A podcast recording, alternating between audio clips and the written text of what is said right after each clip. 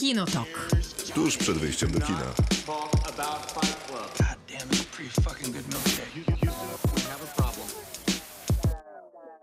Kinotok, czyli program o filmach i serialach. Krzysztof Majewski, dobry wieczór. Miłosława Bożek, dobry wieczór. Maciej Stasierski, dobry wieczór. E, Maciej, co tam oglądałeś przez ostatni tydzień? Ja rozumiem, że te filmy telewizyjne, które będziesz polecał. To oglądałem przez prawie dwa tygodnie. 24 filmy, dwa filmy dziennie, to w sumie nie tak dużo, jak na te ekstraordynaryjne warunki, jak uzgodniliśmy w zeszłym tygodniu. No tak, ale to zawsze chyba jednak warto sobie zrobić przerwę, szczególnie jak filmy są czasem bardzo mocne. Czasami coś zjeść. Filmy telewizyjne to takie, które telewizja zamówiła bezpośrednio na swoją antenę.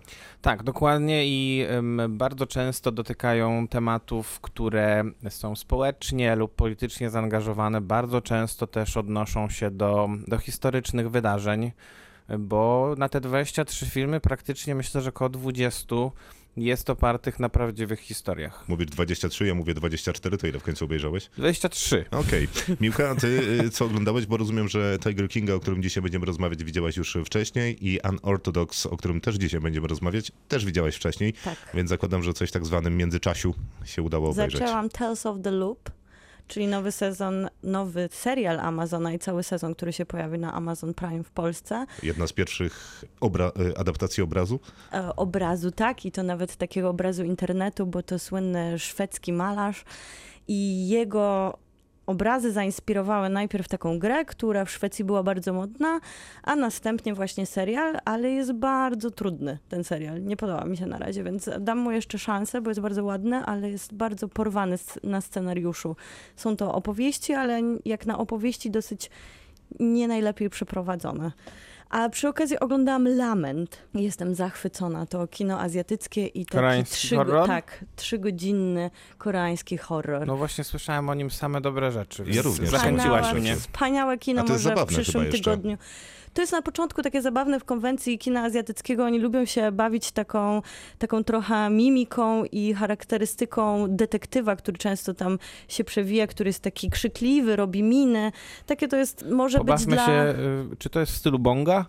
To jest bardzo w stylu Bonga. Wydaje mi się, że czerpał e, garściami z lamentu. Nie ma niczego, co jest w stylu reżysera Bonga, bo jak doczytałem, należy y, im dodawać ten fragment, że to jest reżyser Bong, nie po prostu Bong, tak wypada w koreańskiej kulturze. Bardzo ładnie. Dziękujemy, Krzysztof. Zresztą to było dosyć ciekawe, bo y, tak przedstawiano reżysera Bonga, mianowicie dziennikarze tak robili, ale nikt nie przedstawiał y, aktorów jako aktor ktoś, aktor ktoś, tylko reżyser Bong doczekał się tego przedinka reżyserskiego. A Krzysztof, powiedz, że oglądałeś, co robimy w ukryciu.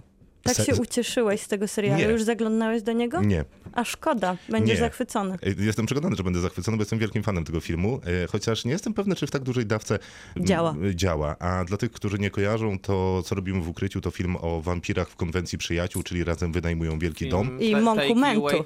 Czyli człowieka Dokładnie. od Tora Ragnaroka, czy Ostatnio osta- od Jojo Rabbit. bardziej chyba ostatnio od Jojo Rabbit. E, A wcześniej właśnie takie rzeczy jeszcze w Nowej Zelandii chyba ten film robił, jeżeli dobrze pamiętam, bo stamtąd Taika Waititi pochodzi. Kinotok. Serial. Unorthodox y, to ten serial, od którego zaczniemy dzisiejsze spotkanie. Nie wiem, czy my w końcu powiedzieliśmy, że będziemy rozmawiać o Unorthodox, o Tiger King. To dwa seriale, które do Nie zobaczenia... No właśnie, to są dwa seriale, które możemy zobaczyć na Netflixie. Będziemy mówić o portrecie Kobiety w ogniu.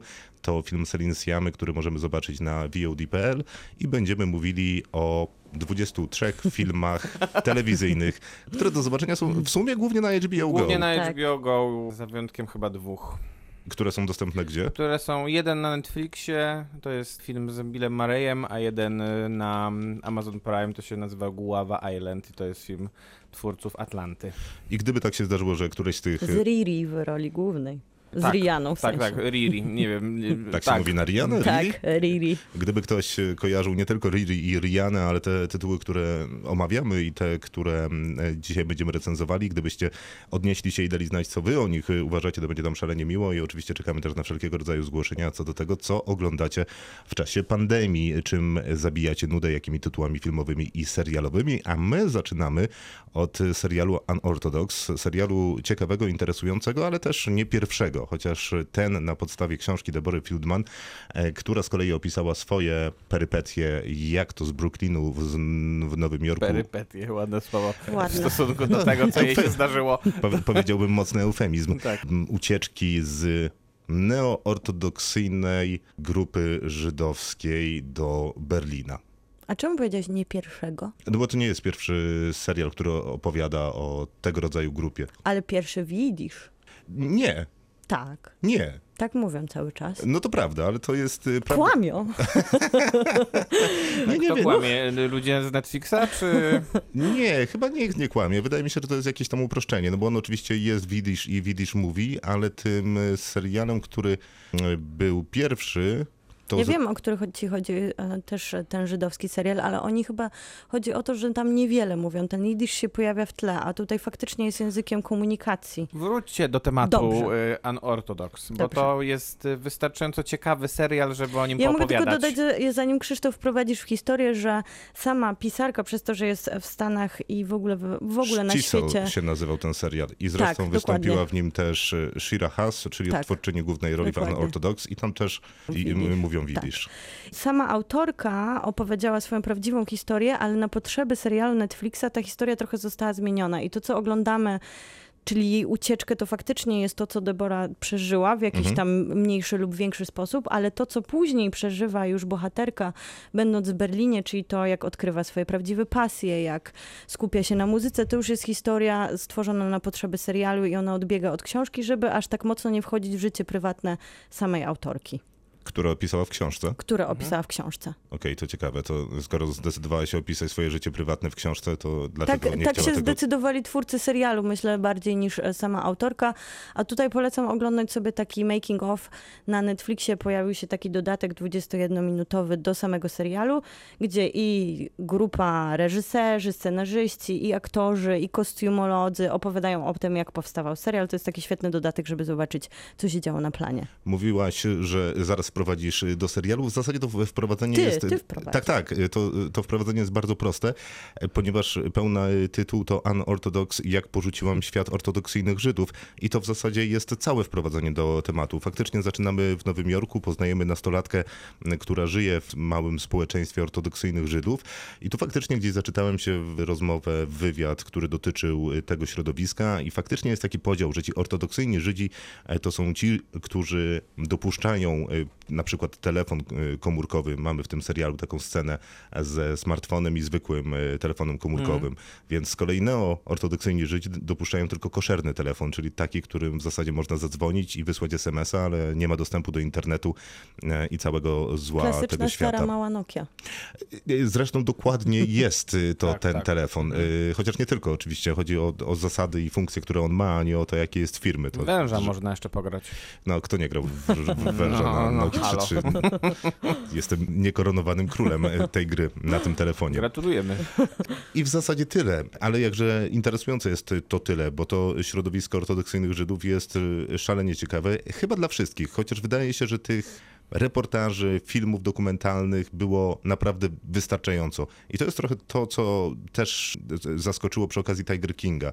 T- Ta pewna siła Netflixa, że on opowiada historie dobrze znane, tylko korzystając z zasięgu i siły swojej platformy, potrafi opowiedzieć dobrze znane historie jakby na nowo. Dać im nową duszę, dać im siłę, zainteresować świat, nie wiem, prawie wpisać je w popkulturową dyskusję. No ja miałem e, podobne odczucie rzeczywiście, bo obejrzałem co prawda nie wszystkie jeszcze odcinki, bo jeszcze został, został mi ostatni. Unorthodox? Tak, powiedzmy, że on ma cztery. Cztery, tak, tak, no ale to jakby wynika Miałeś co z robić. innego zaangażowania. Natomiast 23 filmów. Ym, Natomiast y, od razu jak oglądałem ten film, to mi się skojarzył taki film, który był chyba w e, Polsce pokazywany i też na Nowych Horyzontach, między innymi Disobedience, film Sebastiana Lelio z Rachel Weisz i z Rachel McAdams.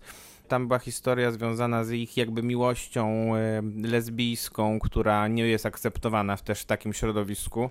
Jak wielki kontrast był pomiędzy tym filmem, a pomiędzy właśnie serialem Netflixa, który wydawał mi się bardzo realistycznie podchodzący do tematu, a, a ten serial, y, ten, ten film był, był strasznie taki w pół kroku, taki bezpieczny, amerykański i nieciekawy przez to, bo To jest ciekawe, co mówisz. y, y, Po, porozmawiamy o tym oczywiście więcej zaraz po najbliższej piosence. Powiem tylko y, jeszcze jedno słowo, że Shira Haas, czyli Esther Shapiro, y, Esti. no. Ester, ale Esti faktycznie w zdrobnieniu e, serialowa jest y, naprawdę ciekawa y, w tym, jaką transformację przechodzi na Myślę, ekranie to przez te jest- cztery tak. y, odcinki. Natomiast odnośnie tego, co mówisz, mi się, mnie się wydaje, że ten serial też jest bezpieczny. Ale on wpuszcza nas za kotarę trochę, to czego nie dawał nam ten No nie wiem. film.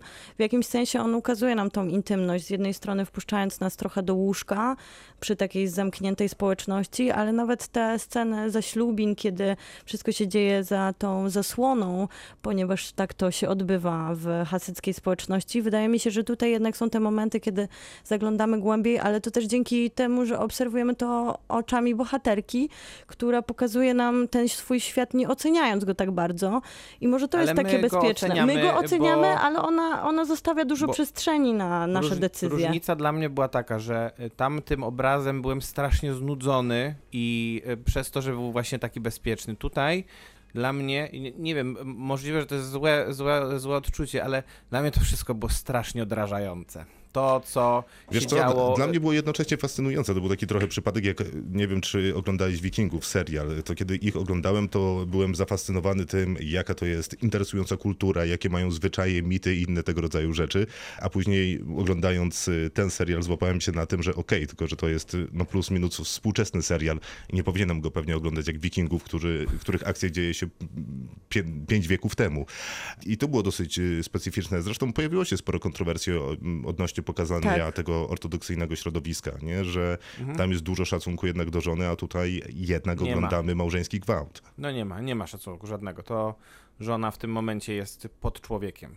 Nie, bo to jest teraz. dosyć ciekawe, bo ona faktycznie ucieka z tego bardzo zamkniętego świata w bardzo otwartym mieście, prawdopodobnie najbardziej otwartym mieście na świecie, czy jednym z bardziej, albo chcącym być postrzeganym jako takie bardzo otwarte Albo miasto. postrzeganym w Czyli ten W sposób. Europie postrzegane Po jest jako najbardziej otwarte Tak. Tak, Tak. czyli Nowy Jork, więc ona ucieka do Berlina, żeby zaznać tego, tej prawdziwej wolności. Tam zresztą chwilę wcześniej, ładnych parę lat wcześniej, uciekła jej matka, to do niej jedzie. Nie bardzo ma jakiś skonkretyzowany plan, ale może pojechać do Berlina i zostać obywatelką Berlina, ponieważ jej dziadkowie. Jeszcze tylko Niemiec. E, tak, tak, oczywiście. Ale wiesz, Berlin, Londyn to są osobne e, państwa, A, no miasta tak, w ramach danych krajów, więc To tak jak może Warszawa, pozdrawiam. ja również. Więc to, stąd, stąd to wszystko, ale tu był taki jakiś pierwszy zgrzyt, który miałem z tym serialem, bo Berlin wyglądał trochę tak, jakby zapłacił poważne pieniądze Netflixowi za to, żeby go przedstawić jako otwarte, nowoczesne, fajne, przebojowe miasto. Jest taka scena, kiedy oni jadą samochodem zaraz po tym, jak z Esti się poznają i wszyscy mówią, że ja jestem gdzieś tam z Bliskiego Wschodu, ja jestem skądś tam, ja jestem z Berlina, ale moi rodzice urodzili się w Polsce. W zasadzie tylko on jest w Berlinie, ale też coś tam. Tu są wszyscy mile widziani, wszyscy przyjaźni, wszyscy uśmiechnięci, nikt nikogo nie ocenia. Oczywiście jest tam gejowski związek, wszystko jest pięknie, wspaniale i w pastelowych Wiesz, kolorach. mi się to To jest po prostu coś, w co ja nie jestem w stanie uwierzyć i rozumiem, że takie było założenie twórców tego serialu, żeby skontrastować tę skrajnie y, No tak.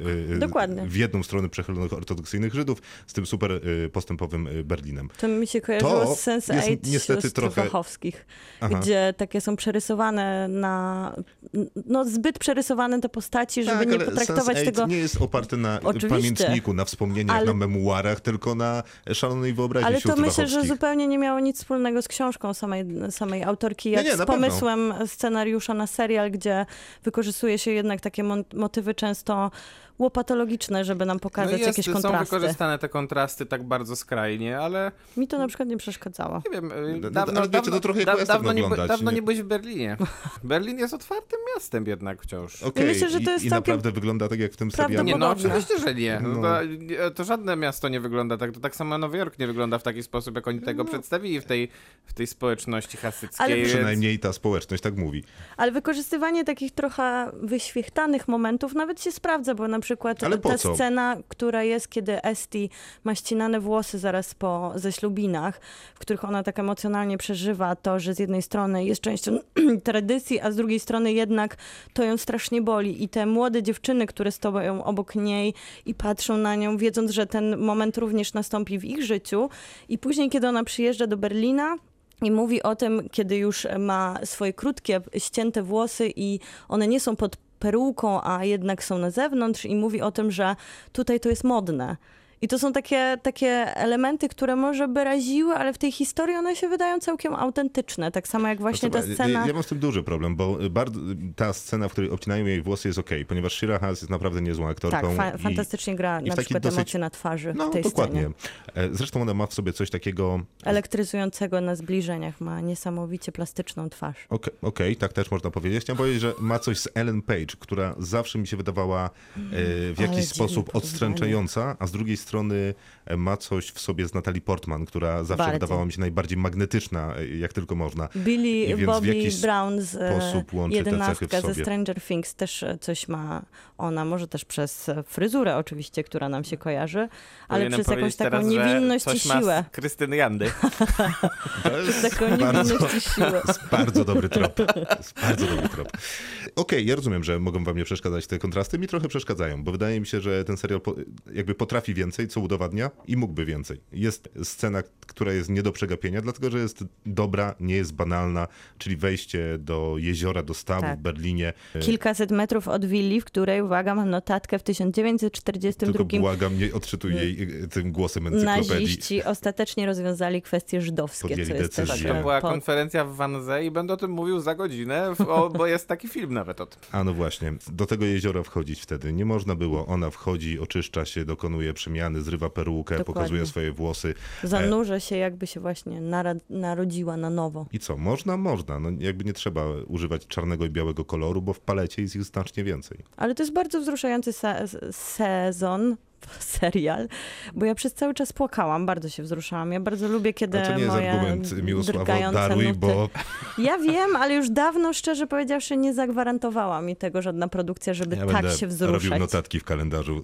Dobrze, sprawdzaj mnie. Będę Dziękuję. Cię, będę cię Tak, sprawdzał. proszę. Ale y, mimo pewnych słabości tego serialu, to zdecydowanie warto go polecić. Nie, no, Zwłaszcza, że zdecydowanie warto, bo się dobrze go ogląda. Tak. On y, płynie tak bardzo, bardzo łatwo się go przyjmuje. Mimo, że on opowiada o ciężkich tematach, to, to jednak robi to w sposób bardzo sprawny, inteligentny i, I wciągający, i wciągający. bo to, to jest tak jak powiedzieliście, no jest super zagrany, szczególnie przez tą dziewczynę na pierwszym planie. Zresztą wydaje mi się, że obsadowo to w ogóle jest raczej sprawna dosyć produkcja. To jest w ogóle ciekawe. Nie? Nie jest, y, znaczy, y, co do zasady tak, ale nie jestem w stanie na przykład przyjąć tego chłopaka w Berlinie, który y, jest przystojniakiem z kawą.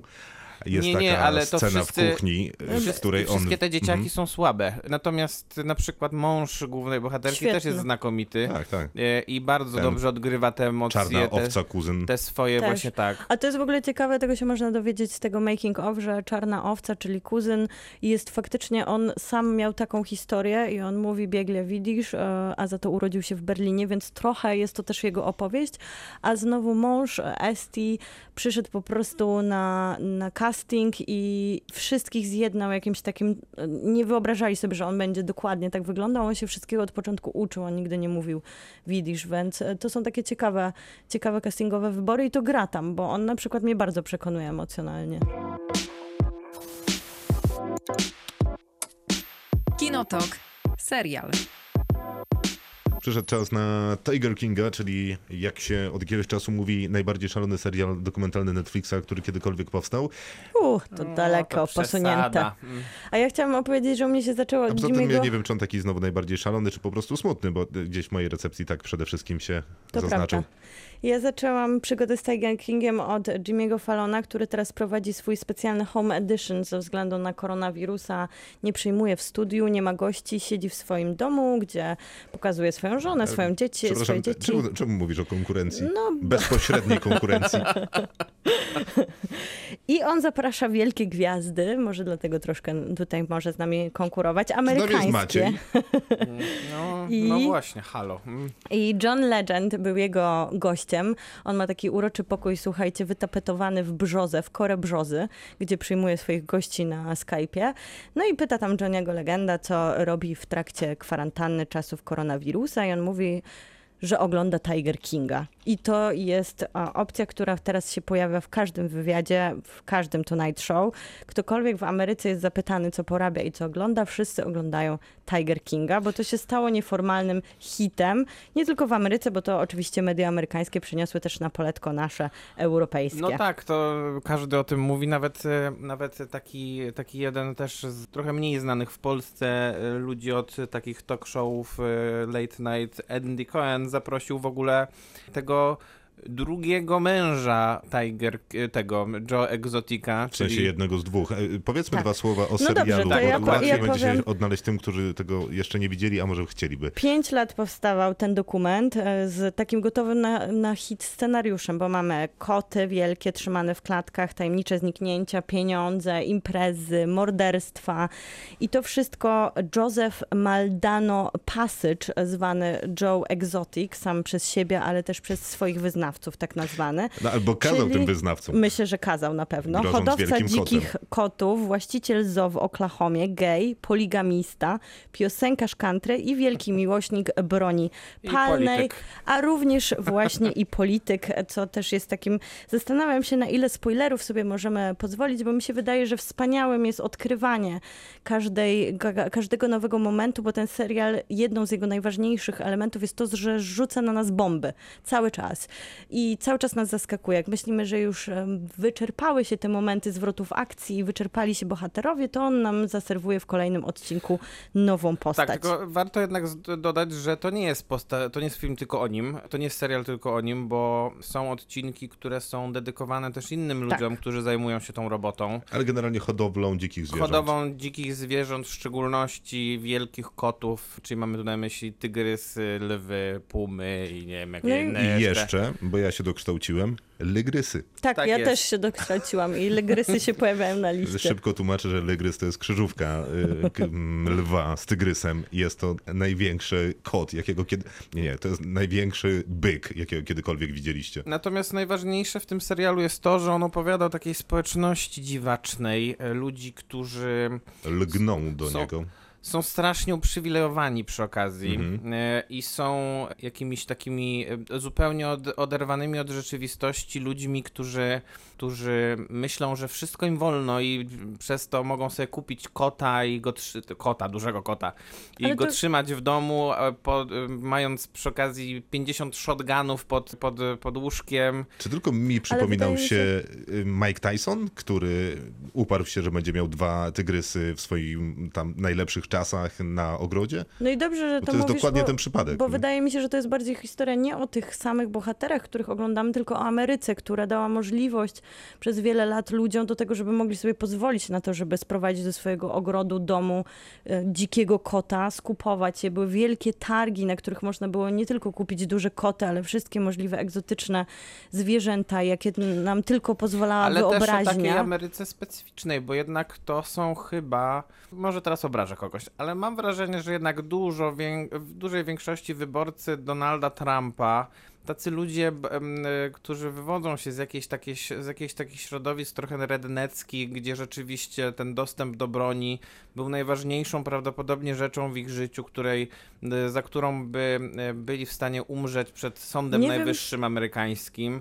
I mm, no, szczególnie ten egzotik sam jest, No, jest egzotyk, taką postacią. Nie? Ale I, nie wiem, i czy- dlatego, i dlatego Na- nie, nie pasuje do niego cały ten, cały ten dodatkowy element tego, że jest pewnym elementem społeczności LGBT, jest poligamistą, więc jest y, konserwatywno, liberalno, nie wiem jaki. Ale nie wiem, czy nie wiem, zgodziłbyś się ilu z tobą. uproszczeń dokonałeś w tej jednej wypowiedzi, ale na pewno dużo. Nie wiem, czy zgodziłbyś się Przepraszam wszystkich, którzy się tobą obrazili. Doc Antle, czyli jeden z bohaterów, którzy się się później pojawiają, który jest przecież doktorem mistycyzmu, O, wykształconym jest, On jest człowiekiem. szefem jakiejś sekty. I tak, y, i założycielem i guru e, chyba samosekty, którą sam stanowi, otoczony swoimi dzikimi zwierzętami, który no jednak wychodzi z tej takiej bardziej wyedukowanej, wykształconej, No ale zresztą wszyscy ci ludzie są obrzydliwi po prostu, bo Czekaj, e, co rozumiesz przez bardziej wykształcony, w sensie bardziej się wykształcił w mistycznych e, sztukach? On, on cały Nie, czas on udaje, sugeruje, że tak. jest wykształcony, on to powtarza. No, ja no, no, tutaj no, mówię no. bardziej słowami samego dok, Doka. no tak. Dokładnie. No ale zresztą jeszcze Dobrze, jest ta Karol, słowo.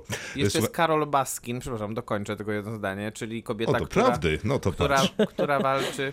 Mogę dokończyć? Marzysz. Która jakby jest w sporze z mm, Joe Exoticiem. Jest głównym obiektem jego Jest- nienawiści. Jest obiektem jego nienawiści i też działań różnego rodzaju przestępczych także. I ona też jest złą osobą, bo ona jest y, tak naprawdę, tutaj to możemy zdradzić, ale jest odcinek poświęcony tylko i wyłącznie jej. Odcinek numer 3, który opowiada o śledztwie związanym ze śmiercią jej męża. I jest to, powiedziałbym, co najmniej interesujące, w jaki sposób to się wszystko wydarzyło. Seria dokumentalna od e, Netflixa, czyli Tiger King właśnie. Chciałem jedną rzecz Ważna- po- powiedzieć, no. która mi się skojarzyła chyba po trzeciej minucie oglądania tego serialu, że poziom absurdu w nim jest bardzo podobny do, nie wiem czy pamiętacie, były nawet dwa takie filmy, które opowiadały o festiwalu, który nigdy się nie odbył, czyli Fire Festival. Fire Festival. Tamten festiwal się nie odbył, mimo że ludzie zapłacili niewiarygodne pieniądze za to, że będą mogli spędzić y, czas na, na rajskiej wyspie, jakiejś takiej Takie malutkiej, prawie że prywatnej, luksusowe super luksusowej, piękne kobiety, piękni mężczyźni, piękni Same wszyscy, gwiazdy. same gwiazdy muzyczne, wszystko najlepiej. Festiwal się... Wszyscy. Tak jest, wszyscy przyjeżdżają na tę wyspę, okazuje się, że generalnie Nawet nie, nie ma ma tam toalet. nic. Tak, tak, dokładnie tak jest. Tu, tylko że w znacznie dłuższym czasie, na znacznie większą skalę, mimo że tam pieniądze były duże, widzę w tym biznesie, który y, y, oni uprawiają sobie w tym Tiger Kingu. Takim zupełnie niekontrolowanym, zu, zupełnie zignorowanym przez państwo, zupełnie Przez prawo. Przez nie? prawo, tak. Tak, tak. Ja, no, Przez ludzi. tak, po prostu fajnie. Tygrys mały, no, jest wol- miły, chce go przytulić. Totalnie. Ale chyba Mhm. jest wspaniale tam to opowiedziane, w jaki sposób to działa, jak ten mechanizm działa, kiedy tutaj właśnie wcz- wcześniej wspomniana główna, mm, znienawidzona Arch postać, nemesis. o właśnie, nemesis. Naszego bohatera, opowiada o tym, że jeżeli ona walczy, żeby na przykład wprowadzić nowe prawo, to zawsze taki Joe Exotic ją uprzedzi, ponieważ pojawi się tam, gdzie są politycy i wszyscy ważni ludzie i da im potrzymać małe lwiątko.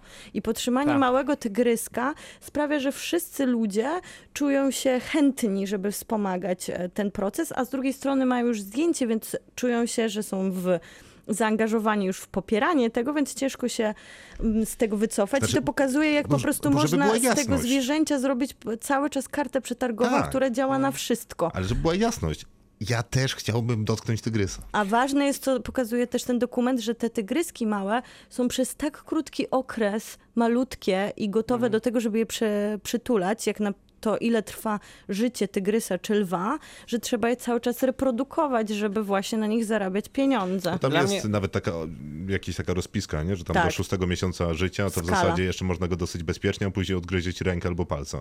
Dla mnie to było niesamowite, jak bardzo jednak e, ludzie, którzy zajmują się taką, że, takimi rzeczami, są do tego nieprzygotowani merytorycznie.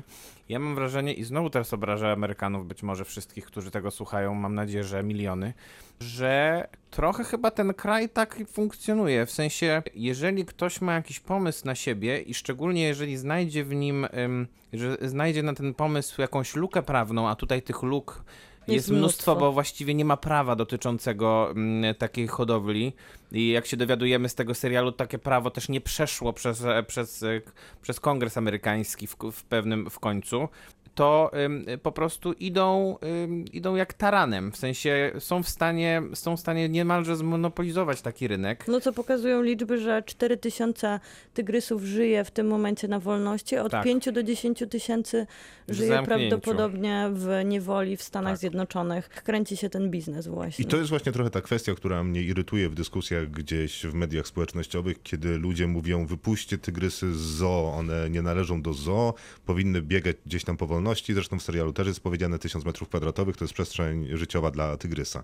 Tylko, że profesjonalne zoo, na przykład takie jak mamy we Wrocławiu, zajmuje się ochroną zwierząt, a, Oczywiście. a nie jest atrakcją w postaci oglądania zwierząt i to zwierzę, nie wiem, zrób sobie zdjęcie z tygrysem. U Nie, nas bo to jest, to, to co było pokazane w tym serialu, to jest bardziej jak cyrk, Tak, Yy, czyli to to jest- jest... nastawione tylko i wyłącznie na rozrywkę, z której wynika prosty zysk, To tak? jest dokładnie to, czego nie wpuszczamy do Wrocławia. Przynajmniej mam taką nadzieję, przynajmniej tak ostatnio było, że Tak, tak, nie ma, Tak. tak. Mhm. No ale co ciekawe, ten, ten serial nam daje duże spektrum, nie tylko takie, które pokazuje nam świat hodowców, ale jest to też serial True Crime, bo przecież na podstawie podcastu True Crime'owego powstał, czyli serial kryminalny, a co jest teraz, Teraz bardzo modne na świecie. co znaczy true tak, crime. True Crime, e, podcasty True Crime, które są modne na świecie, zwłaszcza w Ameryce, ale coraz więcej modne. w Polsce, A my bardzo robimy modne. podcast filmowy, to zupełnie No. bez sensu. Bo, bo musielibyśmy tutaj mieć lepszy chyba Krzysztof dostęp do różnych spraw, jak to w Stanach jest na pęczki tych spraw. No, może, tak.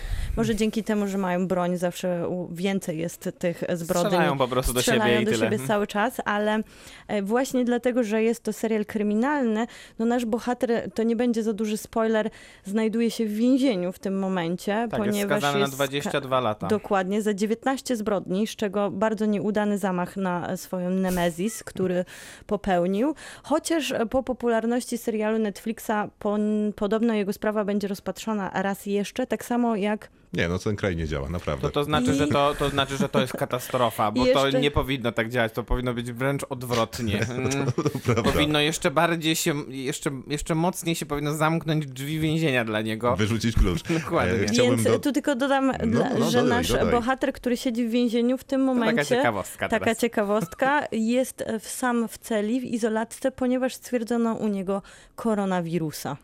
To jest taka ciekawostka bardzo, bardzo na teraz. No, Z kolei w, mocno. w nowojorskim zoo y, u tygrysa potwierdzono koronawirusa. Tak? Tak.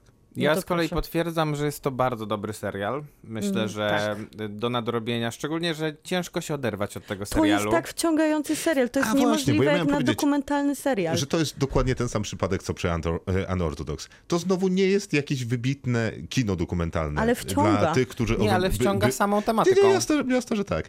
Tyle, że takich tematów w dokumentach, na, na przykład festiwalu Millennium Dogs Against Gravity, który został przeniesiony, Jasne. ale we Wrocławiu się odbędzie, jest na pęczki. Oczywiście. I okej, fajnie, że jest taka platforma jak Netflix i ona trafia do domu z dobrymi dokumentalnymi serialami. Chciałbym tylko powiedzieć, że warto zwrócić uwagę, że dobre dokumenty na świecie są od bardzo dawna. Wystarczy je chcieć obejrzeć. Ale Myślę, że tu kontekście- zadziała si- zadziałała siła kwarantanny, kiedy ludzie są w domach i tak jak te tygrysy w zamknięciu, po Tak. prostu z- załapali się na Aha. przełomowy moment, żeby Piękna. oglądać. Piękna metafora. Piękna paralela. Jeszcze- To tym zakończę, ja już nie będę nic mówił. Chyba, że będziesz ryczeć jak tygrys, to zostawiam włączone mikrofony.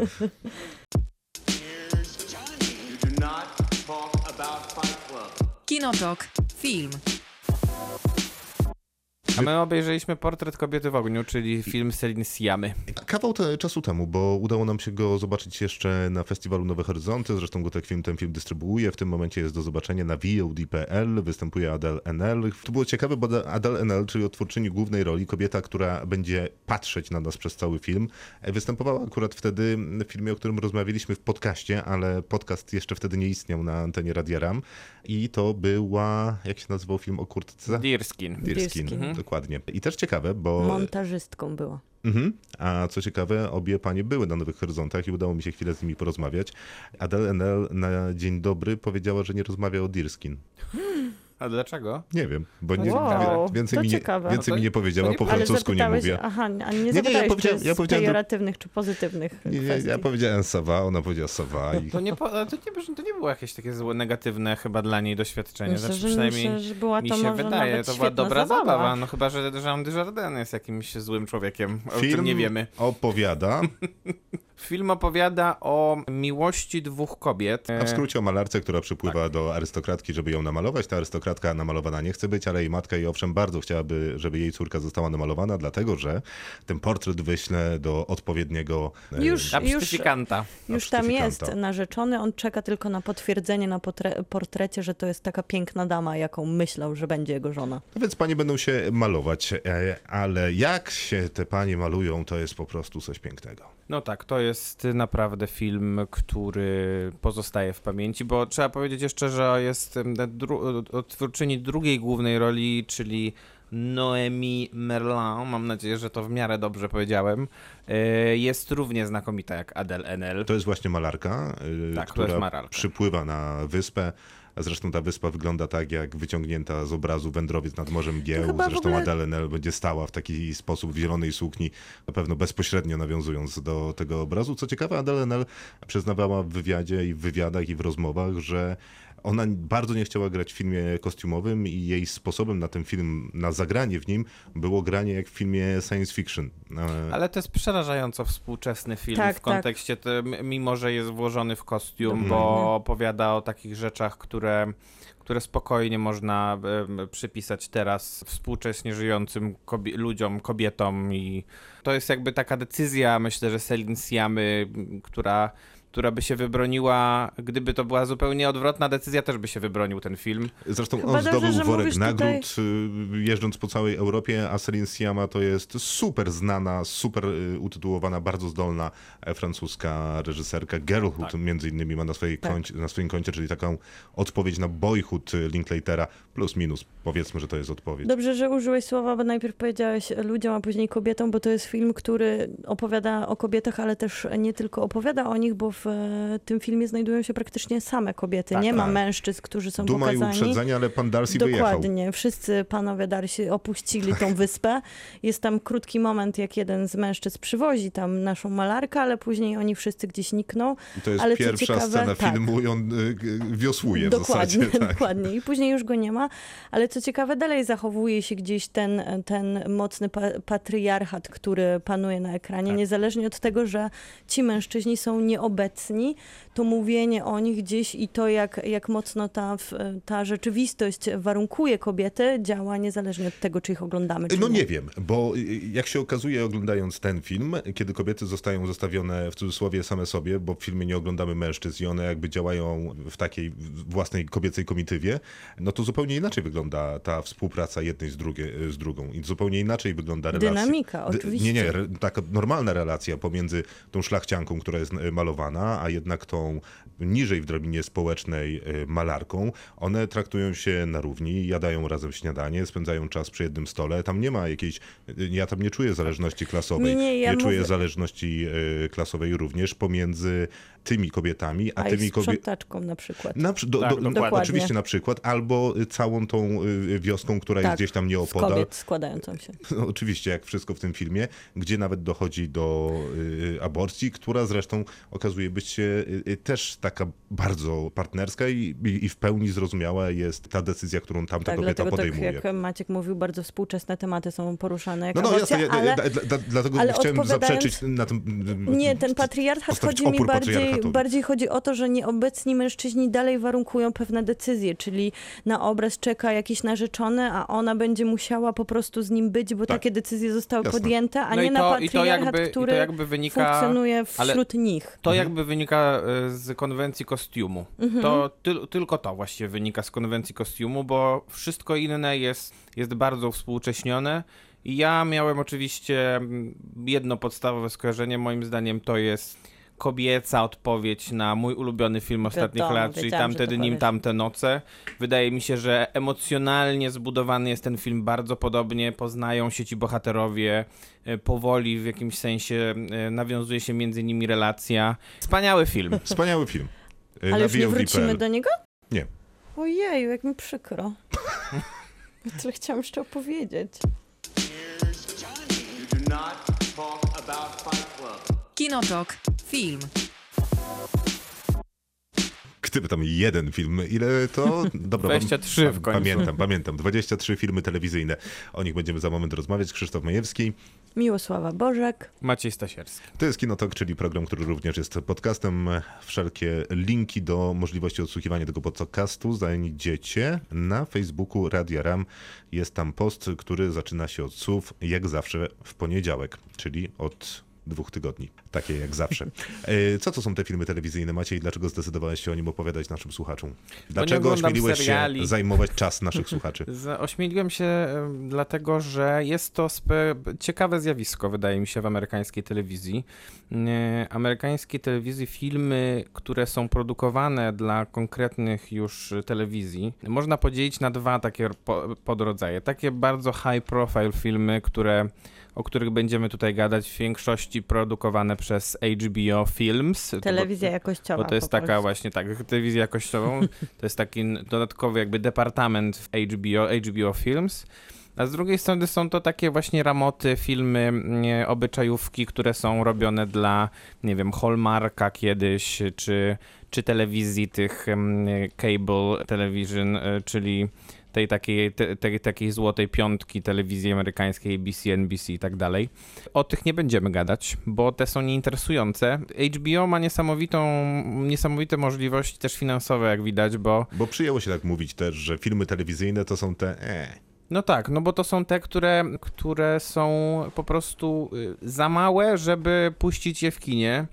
I HBO chyba stara się temu zaprzeczyć, przynajmniej w kontekście tego, jakich aktorów angażuje do swoich filmów, bo to jacy, mm, jacy aktorzy występują w filmach HBO, no to głowa mała, naprawdę. I to jest jedna z tych sekcji HBO, to od razu może będziemy mieli pełny obraz, jak dodamy, że oni od lat robią fenomenalne filmy dokumentalne bezpośrednio na swoją antenę, więc to chyba będzie takie No i zamknięcie lat działalności inwestują też HBO.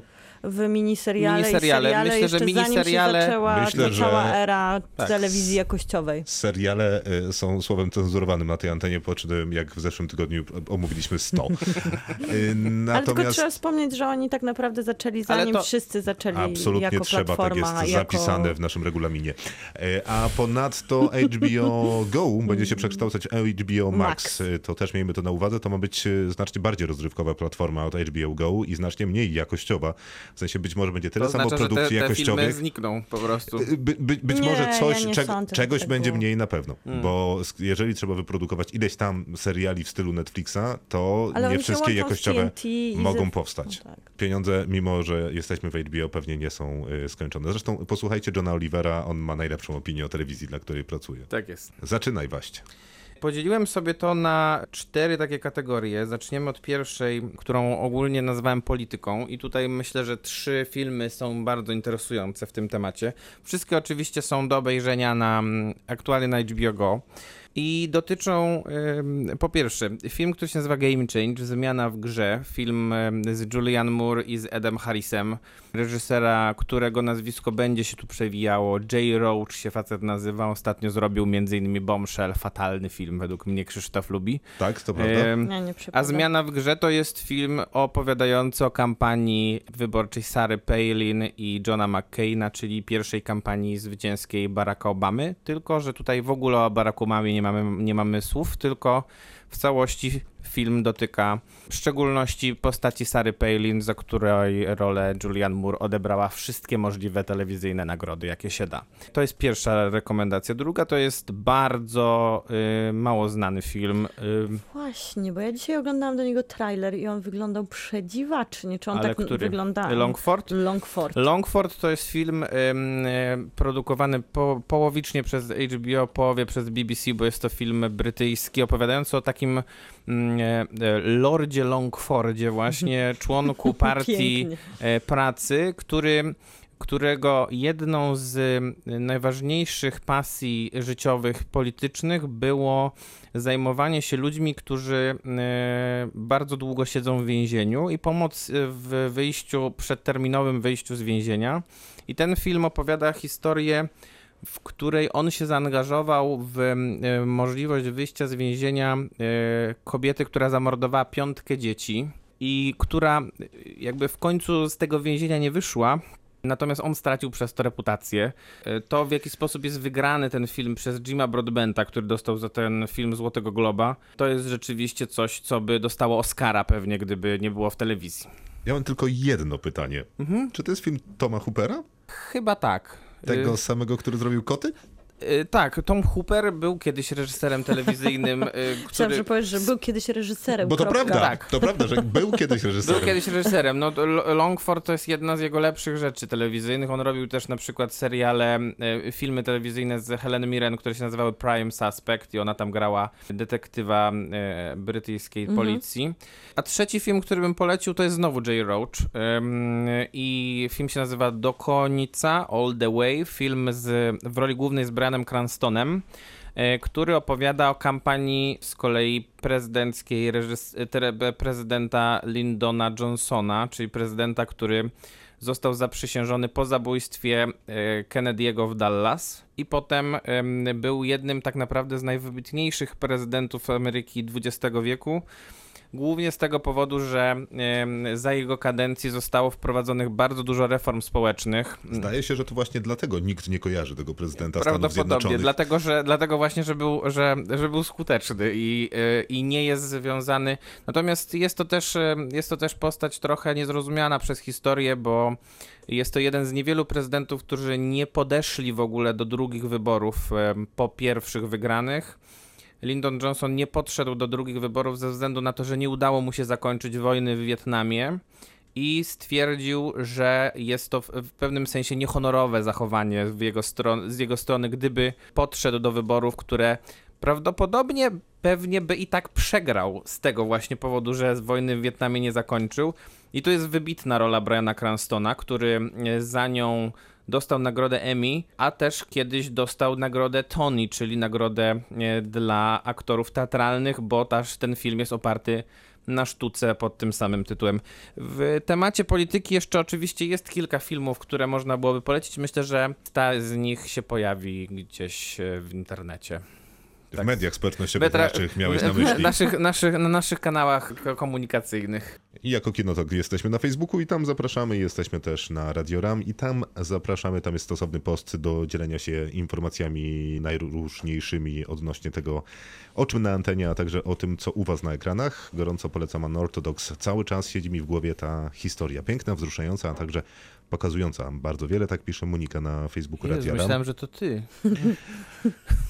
Kiedyś, Aż kiedyś mnie też tak za powiem. serce chwyciło, Krzysztof. Kiedyś też tak powiem. Podoba mi się, wzruszyłem, podoba no. mi się taki ty nowy. To niestety nie ja, to, to Monika moim głosem, E, ale faktycznie ładnie. Unorthodox to faktycznie serial, który Polecamy. proszę obejrzeć. Tymczasem o filmach telewizyjnych rozmawiamy, politykę mamy za sobą, a co przed nami? Przed nami jeszcze dwie takie podkategorie, które wybrałem. Y, Zajmijmy się teraz rzeczami tak zwanymi, jak to napisałem, wydarzenia historyczne i znane postaci historyczne. I tutaj tego jest najwięcej, bo y, trzeba powiedzieć jedną rzecz. Y, Te filmy telewizyjne, które produkuje szczególnie HBO, bardzo, bardzo często dotyczą wydarzeń historycznych czy postaci autentycznych. I tutaj ta lista jest najdłuższa. Początek jest o Winstonie Churchillu, jego można byłoby spokojnie też do polityki oczywiście wrzucić, bo jest, y, bo jest on wybitnym politykiem brytyjskim. I o nim dwa filmy aż powstały, nie, produkowane przez HBO. Gathering Storm, Wzbierająca burza i Into the Storm, czyli w czasie burzy. O, to ciekawe, bo chciałem powiedzieć, że widziałem Gathering Storm, ale teraz się zastanawiam, czy nie widziałem Into the Storm. Gathering Storm dotyczy okresu, kiedy Winston Churchill jeszcze nie był premierem i zostawał, do, y, jakby powracał dopiero do pozycji swojej bardzo wysokiej i zostawał pierwszym lordem admiralicji. I to było jeszcze przed wojną, przed drugą wojną światową, kiedy jako pierwszy tak naprawdę Churchill ostrzegał Brytyjczyków przed y, Hitlerem. Natomiast Ale Into the Storm... Wiesz, że na nikim to nie robi teraz wrażenia, bo wszyscy obejrzeli The Crown. No rozumiem, e, rozumiem. Natomiast Into the Storm dotyczy e, już okresu wojennego i kończy się w momencie, kiedy e, Churchill 45 przegrywa wybory I i, dwa- traci stanowisko premiera. I tego samego aktora obserwujemy w roli Churchilla? Nie, innego e, w Gathering Storm gra Albert Finney, aktor, nie wiem, znany chociażby z roli prawnika Erin Brockovich.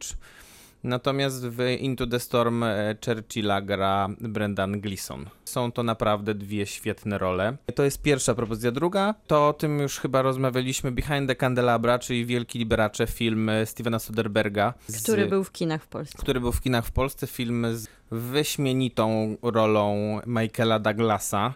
E, Ale całkiem niezłym Mattem Damonem Też również. dobrym Mattem Damonem. To prawda. I Bo żeby, było, żeby była jasność, e, wszystkie te filmy odświeżył sobie Maciej. tak, wszystkie filmy ja odświeżyłem. Y, Wyciągnął Ale my najkrótszą widzieliśmy słomkę. go na dużym ekranie, bo on otwierał któryś z wrocławskich On kończył festiwali. American Film A, Festival, tak. I, Więc I widzieliśmy go rzeczywiście na dużym ekranie. To jest bardzo, bardzo porządna propozycja. No i y, trzeci film, który z tego wybrałem, i tutaj Miłka też chyba się dołączy, Tak, bo czyli ja... Szare Ogrody Grey Gardens. To jest film o kobietach, które w Polsce nie są tak dobrze znane. Dwie kobiety, które się tak samo nazywały, Edith Bouvier Bill. I jedna się nazywała, jedna była Big Eddie, a No, druga była Little mała Eddie. i duża, po prostu Eddie. I to są kobiety, które są znane z tego, że są znane, tak można byłoby powiedzieć. To są pierwsze kardiszianki po prostu. Tak, i one były. I ich, Tak, tak łatwiej zrozumiałem. ich, ich najważniejsza, najważniejsza rzecz w ich życiu to było to, że były spokrewnione z Jacqueline Bouvier, czyli później Jacqueline Kennedy, czyli pierwszą damą Stanów Zjednoczonych za, za, za prezydentury JFK. I one są grane w, tutaj w tym filmie, który jest e, z tych filmów, które oglądałem według mnie jednym z trzech najlepszych. Grane są przez Jessica Lang i Drew Barrymore i myślę, że w szczególności rola Drew Barrymore jest tutaj Wspaniale. olbrzymim zaskoczeniem pozytywnym, bo ja nie kojarzę tej aktorki jednak z jakimś wybitnym aktorstwem i szczególnie raczej e, z komediami romantycznymi, a tutaj jest to naprawdę rola wybitna i myślę, że część z tych ról, gdyby te filmy były dystrybuowane kinowo, potem em, w jakiś sposób promowane Oscarowo, to myślę, że spokojnie mogłyby zgarniać Oscary, bo druga Barrymore powinna dostać Oscara za tę rolę. Dostała wszystkie inne nagrody, ale telewizyjne. Dodam do tego jeszcze kilka postaci, o których po prostu filmy telewizyjne powstawały. Niestety te filmy już nie są takie udane moim zdaniem. I, i szczególnie dotyczy to, to ostatnie zdanie dotyczy szczególnie filmu o Bernardzie Madoffie, który, który jest, stoi za największą pira- piramidą finansową w historii Stanów Zjednoczonych, zresztą chyba w historii świata. I film Barego Levinsona, twórcy m.in. Rainmana, gra Bernarda Madoffa Robert De Niro i gra go rzeczywiście bardzo dobrze. Natomiast sam film jest y, moim zdaniem absolutnie nieudany. I podobnie jest niestety z innym filmem Barego Levinsona, który zadomowił się trochę w telewizji chyba na zbyt długo. I film You Don't Know Jack, Jack, którego nie znacie, film o Jacku Kevorkianie, który był jednym z pierwszych propagatorów tak zwanego assisted suicide, czyli generalnie mówiąc eutanazji. Postać z kolei gra Al Pacino, czyli e, można byłoby powiedzieć obsadowo wspaniale, ale filmowo już nie tak wesoło. Co z tym kinem spo- Zupełnie się zgadzam. No tutaj są dwa Żeby zostawić najważniejsze. muzyczne i tego Tak, dwa- shameful Oscara. Dwa najważniejsze tytuły. Jeden się nazywa Od- Odruch Serca Ryana Murphy'ego, czyli człowieka, który y, jest teraz jednym z najważniejszych nazwisk telewizyjnych chyba. Y, Film opowiadający o wybuchu epidemii AIDS, y, HIV w Ameryce i walce, to żeby, żeby jakiekolwiek leczenie w tym temacie zostało w ogóle zaproponowane. Film troszeczkę podobny do, do francuskiego filmu em, 120 uderzeń serca, tylko, że, tylko oczywiście w zupełnie innym stylu zrobiony, bardziej amerykański, też z gwiazdorską obsadą, bo tutaj jedną z głównych ról gra Mark Ruffalo, a jedną z najważniejszych ról drugoplanowych zagrała nawet Julia Roberts, więc to, to jest rzadkość e, w kinie telewizyjnym. Nawiązywałeś do 120 uderzeń serca, bo to film, który był w Cannes i, i co dostał w Cannes? Złotą Palmę? Dostał Na chyba nagrodę Grand Prix, Palmy. czy dostał jedną z głównych nagród w Cannes, 120 uderzeń serca, tak. Y, A drugi film, który tutaj Którego wybrałem, możemy oglądać na playerze też Tak, przy to okazji. jest- żeby 120 odpalić. uderzeń serca? Tak, O, no idealnie. więc jak film się nazywa w, w, w rękach Boga, Something the Lord Made i to jest film, który myślę, że em, przypadnie do gustu i tutaj paradoksalnie powiem y, zwolennikom y, y, ekranizacji Harry'ego Pottera, bo jest to jedna... Czyli wszystkim, jak siedzimy w tym Dokładnie, studiu. bo, bo, gra, bo jedną, ze, zna- z jedną ze swoich chyba najlepszych ról zagrał w tym filmie mm, Alan Rickman, czyli profesor Snape, a film opowiada o Uniwersytecie Johnsa Hopkinsa, w którym e, e, magia. postać grana przez... e, Nie mów, że jest nauczy nauczycielem chemii. nie, jest, jest, jest, jest wykładowcą na wykładowcą, który jest też wybitnym chirurgiem i opatentowuje wraz ze swoim laborantem, którego gra chyba bardziej raper Mos Def, opatentowują operacje, operacje na, na otwartym sercu wśród dzieci, które cierpiały, cierpią na takie, taki, od, taki syndrom takiego sinienia. To znaczy, że serce nie pompuje e, Wystarczająco wystarczająco krwi, dużo jasne. krwi do, Mhm. do, do mózgu i, i przez, to, przez to dziecko jest sine na twarzy. I oni opatentowali taką, taką operację. Co ciekawe, bardzo interesująca historia, bo ten laborant, którego gra Mos Def, e, został, dostał, dostał doktorat honoris causa tego uniwersytetu. Nigdy nie skończył szkoły średniej nawet. Został zatrudniony tam w ramach takiego y, walki o równouprawnienie y, mniejszości czarnoskórej w, przez, przez Rickmana i potem przez kilkadziesiąt lat współpracowali. I okazało się, że był jakimś naturalnym talentem, który przez e, swój kolor skóry nie, był, nie miał możliwości e, uczenia się formalnego, formalnego uczenia się zawodu e, medycznego. To jest myślę, że bardzo ciekawa propozycja. Stary dość film, bo film chyba z 2003 czy 2004 roku który z kolei żadnych, e, w przeciwieństwie do tych wszystkich innych filmów, żadnych nagród nie dostał, dlatego że w tym samym roku pojawił się miniserial HBO Anioły w Ameryce, który dostawał wtedy wszystkie nagrody świata. O tym serialu mówiliśmy Tak. tydzień temu. Tak a propos Alana Rickmana, to mu się nie zdarzało słaba, grać słabych ról, Zgadzam się, zgadzam się. bo odszedł niestety, Niestety profesor już parę lat temu. Snape już parę lat temu, dokładnie. Co tam jeszcze masz na tej liście, czy to wszystko? Y, Na tej liście y, wszystko, zacznie, a, ostatnia kategoria to jest, y, nazwałem ją śmietnikiem. To nasza ulubiona kategoria. tak, Dla nasza tych, którzy, ulubiona kategoria. którzy słuchają podcastu, to wiedzą, że w śmietniku umieszczamy wszystko to, co nie wiemy jak określić. Ale dobre zawsze. Tak, zawsze. Tak, nie, tak, nie zawsze. żeby- Nie, nie zawsze No, nie dobre, ale zawsze. zwykle dobre. Tak. Też chyba niezwykle. utvecklat No dobra, no to y, Ale- czasem dobre, ale- czasem złe, czasem słońce, czasem deszcz. Tak. Ale mnie ciekawe, ciekawe, dlaczego Detail opowieść nie wrzuciłeś do społecznie zaangażowanych. To w No nie, jest nie, taki... nie, nie, nie, nie będziemy zaczynać znowu dyskusji Nie, nie, o kategoriach. tak. Ja to doskonale A o pamiętam. Detaile porozmawiamy za seriali. chwilę, bo jest to chyba film, który oglądaliśmy wszyscy i film y, znakomity też zresztą. I teraz nasz ulubiony śmietnik. Nasz ulubiony śmietnik i Miłka tutaj ma jakieś wątpliwości co do zakwalifikowania do śmietnika e, filmu Detail Jennifer. Było trzeba to załatwić przed programem, tak. albo Fox. załatwicie sobie po programie na ubitej ziemi, na No noże. ale no to dobrze, no ale wydaje mi się, że sprawa, którą porusza film, czyli opowieść o, z jednej strony jest to opowieść o dorosłej kobiecie Laura Dern tutaj w roli głównej, która mierzy się z traumą z dzieciństwa, bo nagle dochodzą do niej wspomnienia, które zupełnie wyparła i te wspomnienia przenoszą się na takie patologie jak mm, No jest to pedofilia, pedofilia, po prostu, tak, tak. więc- e, Nazwijmy to po imieniu i rzeczywiście tutaj to jest takie, ona, ona odbywa wręcz jakąś taką wiwisekcję swojej własnej Dosłownie. osobowości, bo połączoną z jakimś takim śledztwem dziennikarskim. Trochę true crime'u tu też znajdziemy. Bo właśnie. Jennifer Fox, która jest reżyserką tego filmu i jakby stworzy...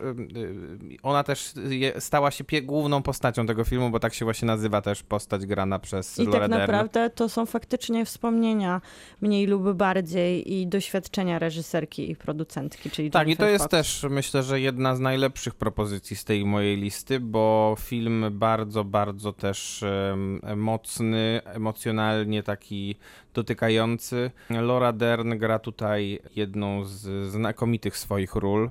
To nie jest aktorka, która gra słabe role, bo to nawiązując do Alana Rickmana. Tak, mogliby być y, parą. Tak, dokładnie. Natomiast, y, natomiast rzadko gra na pierwszym planie Laura Dern, to trzeba też przyznać niestety, chyba że u Davida Lyncha.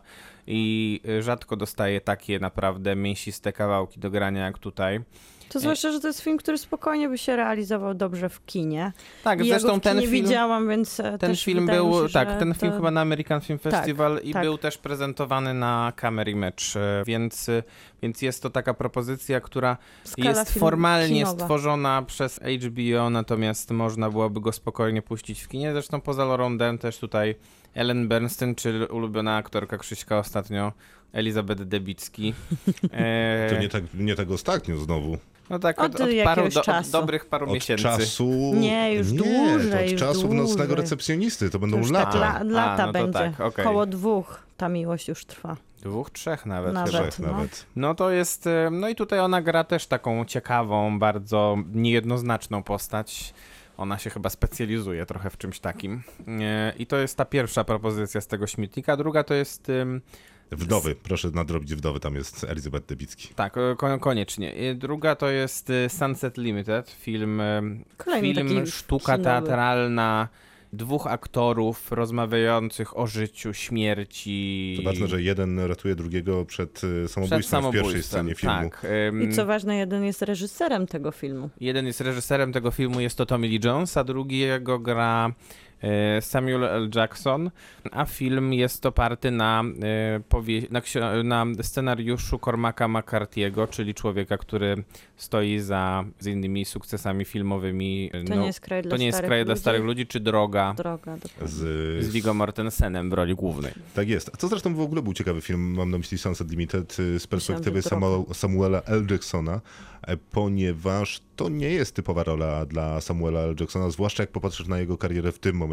On gra takie trochę odcinanie kuponów, czyli gram Samuela L. Jacksona, Tak. pojawiam się, gram i znikam, a, a tam zagrał naprawdę gęstą, taką zanurzoną rolę, zresztą trudną, bo Trudną, bo teatralną takie- przed kamerą. Bo to Tak, jest e, bardzo teatralny film i chyba tutaj dzięki To temu zyskują tak, ale no nie każda tak wygląda, że jest grana trochę jak w teatrze, w e, kinie, a tutaj to zyskuje, że jednak się przenosimy i to jest mocne skupienie się na dwóch aktorach i na dialogu, niewiele się dzieje w tle. Nic y, się w sumie jakby w tle nie dzieje. sukces, sukces takich filmów zależy bardzo mocno od tych aktorów, których się dobiera, bo jeżeli jeden jest dużo słabszy od drugiego, To od no to bo wiemy. no to, no, to wtedy, no to wtedy robi się problem, a tutaj, no tutaj tak nie jest, no bo Samuel Jackson z jednej strony gra postać byłego, byłego y, gra postać chyba recydywisty, tak, który w tym momencie się nawrócił i stara się y, resocjalizować ludzi poprzez e, opowiadanie im o Biblii. Przez Ewangelię. Tak, przez Ewangelię. Z drugiej strony mm, Tommy Lee Jones gra postać profesora, który e, no, stracił chyba jakąkolwiek chęć e, nie tylko, żyć, nie tylko nauczania, ale po prostu życia i dlatego pod, podjął, pod, postanowił rzucić się pod, pod pociąg metra. Tam jest ładne pytanie, które Samuel Jackson zamuje, zadaje Tomiliemu. Pyta go, jako profesor, ile książek tygodniowo czytasz, y, czy tam miesięcznie. Mhm. On mówi, no policzmy, 3-4 tygodniowo, no to miesięcznie czytam 12, czasami jak mam więcej czasu, 15. A on mówi, a ja czytam jedną i wystarczy mi za wszystkie twoje.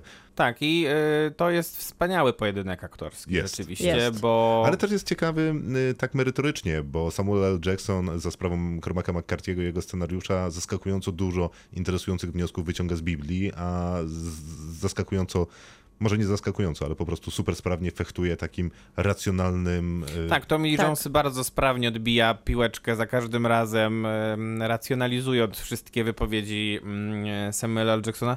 No ja jestem wielkim fanem e, Tommy Lee Jonesa. Jest to według mnie jeden z bardziej niedocenionych amerykańskich aktorów, e, który też niestety, trochę jak Laura Dern, gra rzadko e, pierwsze plany. Prawdopodobnie ze względu na swoje, swoją jakby jak, jak swój, na swój wygląd, który jest trochę zbyt chyba charakterystyczny, żeby mu, żeby mu dawać po prostu łatwo i często pierwszoplanowe role. I dlatego dostaje często takie mięsiste drugie plany, z których, z których robi przecież e, nierzadko robotę niesamowitą, no bo przypomnę, że jedynego swojego Oscara w karierze, którego e, Tommy Lee Jones dostał, to jest za rolę e, e, detektywa Gerarda z filmu Ścigany, czyli filmu typowo, typowo popcornowego filmu sensacyjnego. Uwielbiam ten film. Wspaniały film. Wszyscy go chyba lubią. Więc lista filmów niedługo. Czyli kiedy? No nie wiem. Przyznaj się publicznie. Ja mam ją stworzyć? No to t- Do- do- popatrz, tak ładnie opowiadałeś. w porozumieniu ze współpracownikami. Myślę, że w tym tygodniu. I to wszystko na dzisiaj. Kinotok bardzo serdecznie dziękują. Maciej Stasierski? Miłosława Bożek. I Krzysztof Majewski. Miłka, masz ostatnie swoje 10 sekund na to ukochane pytanie, najważniejsze no na to świecie. dobrze, bo ja tu przed sobą widzę listę, która niebawem będzie w internecie, a nawet Już na portalach społecznościowych. Tak. Więc chciałam Maciek zapytać, czy umieścisz i będziesz konsekwentny Fahrenheit 451, który możemy na HBO oglądać. Jest to ich produkcja i jest to film Nie umieszczę. bardzo zły. Okej, zgadzam się. E, Ja również bym tego nie umieścił, Nie gdybyś umieszczę. wysłałbyś listę, która Cieszę byłoby się. umieszczona, bym to usunął. Cieszę się, Więc że nie umieścimy. No więc tak czy inaczej Wspaniale. to nie trafi. E, Wszystkim, którzy by się Demokracja. kiedykolwiek zastanawiali, czy obejrzeć Fahrenheit Nie. 451, to proszę tego To, nie te, robić. to Nigdy. można obejrzeć tylko film François Truffaut z 69 roku. Bardzo Na pewno proszę. lepiej. Quentin Tarantino Podobno pewnego razu w Hollywood jest już dostępny w streamingu. Dokładnie. Jest na HBO Go. Tak, dobra, jest to bardzo Wspaniała. informacja. Trzy godziny można sobie spokojnie powtórkę robić, nawet jak się niedawno widziało w kinie. I na koniec mocna informacja. Bad Boy będzie miał szybciej premierę online. Co takiego? Y, Ten ostatni film Patryka Wegi. Wspaniała też informacja, równie Prawda? dobra jak ta o Tarantino. Tak, też myślałem. Przyszły poniedziałek też się słyszymy i będziemy oczywiście polecać, zastanawiać się nad filmami w streamingu. Będziemy oczywiście mówić o premierach, które do streamingu trafiają, bo te przynajmniej jeszcze w przyszłym tygodniu e, będą nowe. Kinotok. Tuż przed wyjściem do kina.